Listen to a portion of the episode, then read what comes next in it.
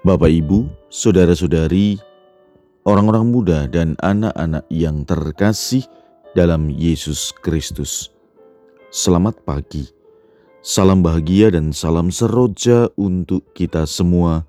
Berkah dalam bersama dengan saya, Romo Antonius Garbito Mambo menyampaikan salam dan berkat Allah yang Maha Kuasa dalam nama Bapa dan Putra dan Roh Kudus. Amin. Hari ini Senin 25 Oktober dalam hari biasa pekan biasa ke-30. Bacaan pertama dalam liturgi hari ini diambil dari surat Rasul Paulus kepada jemaat di Roma bab 8 ayat 12 sampai dengan 17. Bacaan Injil diambil dari Injil Lukas bab 13 ayat 10 sampai dengan 17. Pada suatu hari Sabat, Yesus mengajar dalam salah satu rumah ibadat. Di situ ada seorang wanita yang telah 18 tahun dirasuki roh. Ia sakit sampai bungkuk punggungnya dan tidak dapat berdiri lagi dengan tegak. Ketika Yesus melihat wanita itu dipanggilnyalah dia. Lalu Yesus berkata, Hai ibu, penyakitmu telah sembuh. Kemudian wanita itu ditumpanginya tangan dan seketika itu juga ia berdiri tegak dan memuliakan Allah. Tetapi kepala rumah ibadat itu gusar karena Yesus menyembuhkan orang pada hari sabat. Lalu ia berkata kepada orang banyak, "Ada enam hari untuk bekerja. Karena itu datanglah pada salah satu hari itu untuk disembuhkan dan jangan pada hari sabat." Tetapi Tuhan menjawab dia, katanya, "Hai orang-orang munafik, bukankah kalian semua melepaskan lembu dan keledaimu pada hari sabat dan membawanya ke tempat minum?" Nah, Wanita ini sudah 18 tahun diikat oleh iblis. Bukankah dia harus dilepaskan dari ikatannya itu karena dia keturunan Abraham? Waktu Yesus berkata demikian, semua lawannya merasa malu, sedangkan orang banyak bersuka cita karena segala perkara mulia yang telah dilakukannya. Demikianlah sabda Tuhan. Terpujilah Kristus.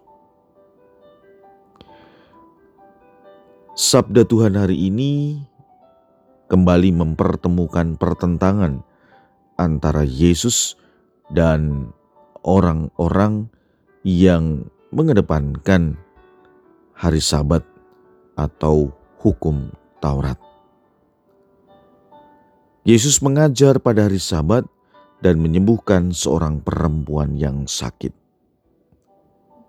Sudah 18 tahun ia mengalami penderitaan, menderita sakit sampai bungkuk punggungnya.